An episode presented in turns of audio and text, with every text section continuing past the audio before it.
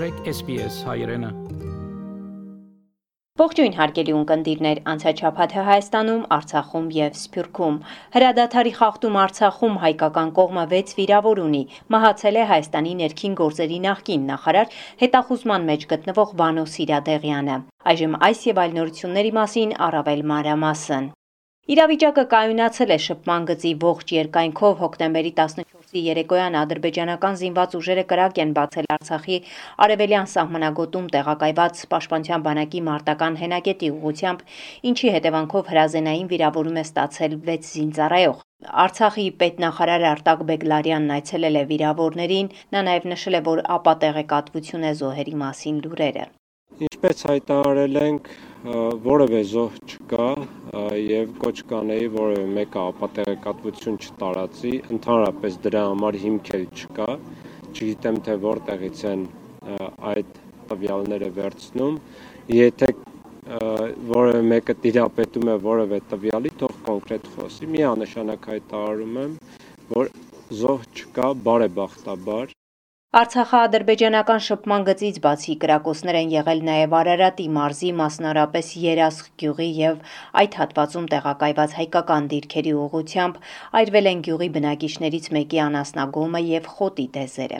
Վարչապետ Նիկոլ Փաշինյանն անցած շաբաթ Մոսկվայում հանդիպել է Ռուսաստանի նախագահ Պուտինի հետ։ Փաշինյանը հանդիպումն արդյունավետ է համարել, նշելով, որ քննարկվել է հայ-ռուսական երկկողմ օրակարգն ու իրավիճակը տարածաշրջանում։ Մենք կշարունակենք շփումները ձեռք բերված պայմանավորվածությունները կյանքի կոչելու համար, ասել է վարչապետը։ Հայաստանի կառավարության տարածած հաղորդագրությունում նշվում է, որ կողմերը քննարկել են 2020-ի նոյեմբերի 9-ի եւ 2021 թվականի հունվարի 11-ի երակողմ հայտարարությունների կատարման ընթացքին տարածաշրջանում կայունության ամրապնդման, տնտեսական կապերի վերականգնման հետագա քայլերին ու տեղի ունեցող զարգացումներին վերաբերող հարցեր առանց այլ մանրամասների Փաշինյանը կրկին շեշտել է, որ Լեռնային Ղարաբաղի հակամարտությունը լուծված չէ։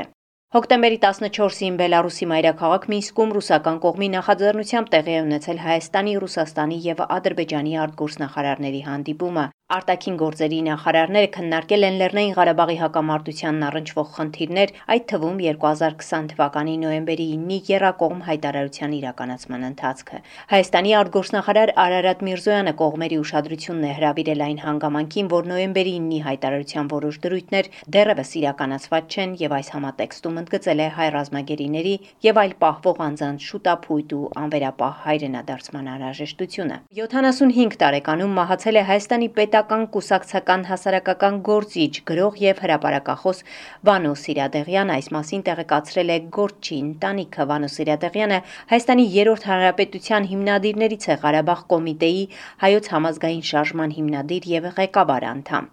Հայաստանի անկախության առաջին տասնամյակում մի շարք առանցքային պաշտոններ է զբաղեցրել, այդ թվում ներքին գործերի նախարար, Երևանի քաղաքապետ, ՀՀՇ վարչության նախագահ Վանո Սիրադեղյանը մեղադրվում էր 90-ականների մի շարք սպանություններ պատվիրելու համար Սիրադեղյանի նկատմամբ մի շարք մեղադրանքների արդյունքում նա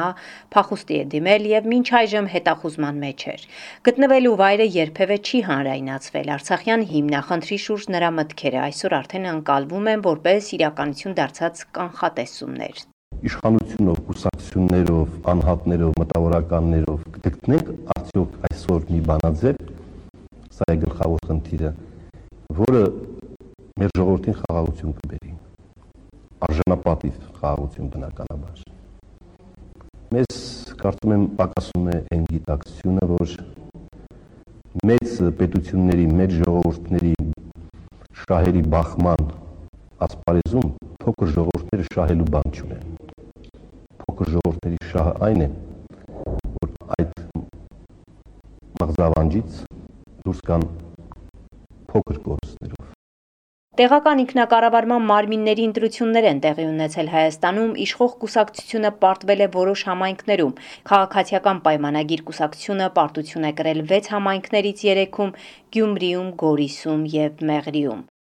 Արցախ. Սահմանային գոտում տեղի ունեցած միջադեպերից հետո օպերատիվ մարտավարական իրադրությունը այս պահին հանգիստ է, հայկական կողմը դիրքային ու տարածքային կորուստներ չունի, այս մասին տեղեկացնում է Արցախի պաշտպանության բանակը։ Արցախի արտգործնախարարության տարածած հաղորդագրությունում ասվում է, որ Ադրբեջանն ագրեսիվ գործողություններով նպատակ ունի ճնշման ու ահաբեկման միջոցով հասնել Արցախի հայաթափմանը։ Այսպիսի քաղաքականությունը նաև հարված է Ռուսաստանին եւ ռուս խաղաղապահ առաքելությանը։ Արցախի Մարտունի շրջանի Նորաշեն համայնքում բնակիչները գյուղում մնալով են պատասխանում ադրբեջանական կողմից անցած շաբաթ եղած կրակոցներին անցած տարվա լայնամասշտաբ պատերազմից հետո հակառակորդը խիստ մոտեցել է Նորաշենին։ Լսենք տեղի բնակիչներին։ Դուսկալի մասին ոչ մի խոսք եղալ չունի։ Բաները թեկուս սահմանախաղաղապահ զորքերը ստեղան, բայց էլի դրանք առիթը բաց չեն թողնում։ Դե մուք արդեն սվեր ենք լի այդ կրակոցներին, էլի այլ այլ այդ ձևի կրակոցն է, ոչ այդքան ուժեղ։ Այդ մեկը արդեն ահա որ այլ է։ Բոլորն էլ վախեցալան տան անդամները, բայց որ ասեմ խոճապի ենք մատնվել, չէ, խոճապ չկա մեր մոտ։ Դե կոնկրետ մանրամասներ չգիտենք, բայց ինչ որ Ну, դիրքի մինուս տղասի, ու մի 800 մետր, 800 прямо։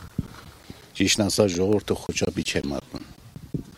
Եվ ես զարմացած եմ եւ այսօրվա մեր աշակերտությունը ուղիղ թուրքի նշանառության տակ էլի նույն ձևով, նույն երանդով ներկայացել են դասի։ Սա ամրություն է, սա մաս նշանակություն ունի, մենք դա ասում ենք այն, որ մենք ուժեղ ենք, մենք ձեզանից չենք վախենում, ապրելու ենք ու կշարունակենք ապրենք, ինչպես որ կա։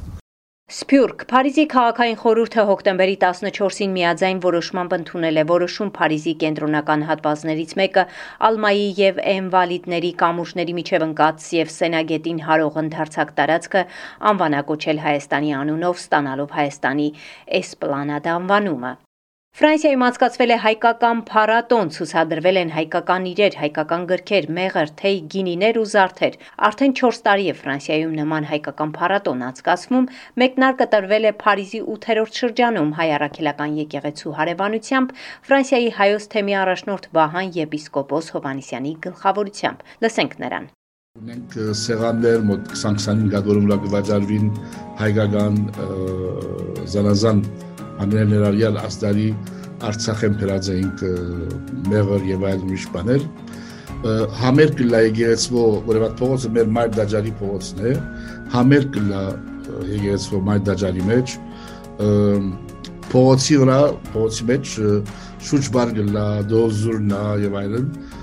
1 միլիոն դոլար Լիբանանահայության հրատապ կարիքներին Հայաստան համայնքական հիմնադրամի Միացյալ Նահանգների տեղական մարմնի ջանքերով 2021 թվականի սեպտեմբեր ամսվա ընթացքում 1 միլիոն դոլար է հավաքագրվել եւ փոխանցվել Մեծի տան Կիլիկիո կաթողիկոսությանը Լիբանանի հայ համայնքի սոցիալական, ինչպես նաեւ հայ կրթական հաստատությունների կարիքները հոգալու նպատակով։ Թբիլիսիում հնարավոր է Փարաջանովի տուն թանգարան բացվի առաջին ցուցանմուշներն արդեն ի հայտ են գալիս։ Թբիլիսի Թբիլիսիի փողոցներից մեկը Թբիլիսահայ կինոռեժիսոր Սերգեյ Փարաջանովի անվամբ անվանակոչվելուց հետո մի խումբ մտավորականներ հանդես են գալիս Փարաջանովի տուն թանգարան բացելու առաջարկով։ Արդեն սկսվել է ստորագրահավաք, իսկ քաղաքային խորհրդի ղեկավարությունը հայտարարել է, որ Փարաջանովի անվամբ Թբիլիսյան փողոցը անվանակոչելը սկիզբն էր, հաջորդը նրա տուն թանգարանի բացումն է։ Փարաջանովի մահից հետո Թբիլիսյան իր տան եղած իրերը, կոլաժները, մյուս բոլոր ստեղծագործությունները տեղափոխվել են Երևան, իսկ նրա Թբիլիսյան տուն անունը վաճառվել, սակայն Վրաստանում, որտեղ ապրել է հայտնի ռեժիսորը, բազմաթիվ Փարաջանովյան իրեր կարելի է դեռ գտնել։ Արդեն Փարաջանովի սնդուկը եւ մի շարք այլ իրեր վրացի մտավորականներից մեկը պահ է տվել Թբիլիսիում գործող Թումանյանի գիտամշակութային կենտրոնին, մինչև թանգարանի բացումը։ Կենտրոնի ղեկավար Կիսանե Հովսեփյանը նշում է, Թումանյանի տուն բերվեցին Փարաջանովի աշխատանքները, կոլաժ, տիկնիկ վազուրի կանոնով եւ ուրեմն իր աթոռը, սնդուկը եւ զարդատուփ։ Ահա Սնդուկի մեջ ուրեմն նաև երկրորդ տիկնիկն է, որի հետ իդեպ ֆոտոներ են պահպանվում Փարաջանովի Ես երկրորդ տիկնիկը չենք հանել, բայց վազուրիկը մեզ մոտ կախած է։ Այո, իր անձնական հավաքածուի իրերն են, որ մեր մոտ Թումանյանի տանը մեր թեմի առաջնորդի թույլտվությամբ կգտնվեն այնքան ժամանակ, մինչև որ ծրագրերը իրականություն դառնան կապված Փարաջանովի հետ։ Թբիլիսիում Փարաջանովի տուն թանգարան բացելու ստորագրահավաք սկսած մտավորականները հույս ունեն, որ Փարաջանովի տուն թանգարանը կբացվի նաև Թբիլիսիում եւ հենց այն տանը, որտեղ ապրել ու ստեղծագործել է նա։ Այսքանը անցաչափաթը Հայաստանում, Արցախում եւ Սփյուռքում SBS-ի համար ամփոփեց Գիտա Լիբեկյանը։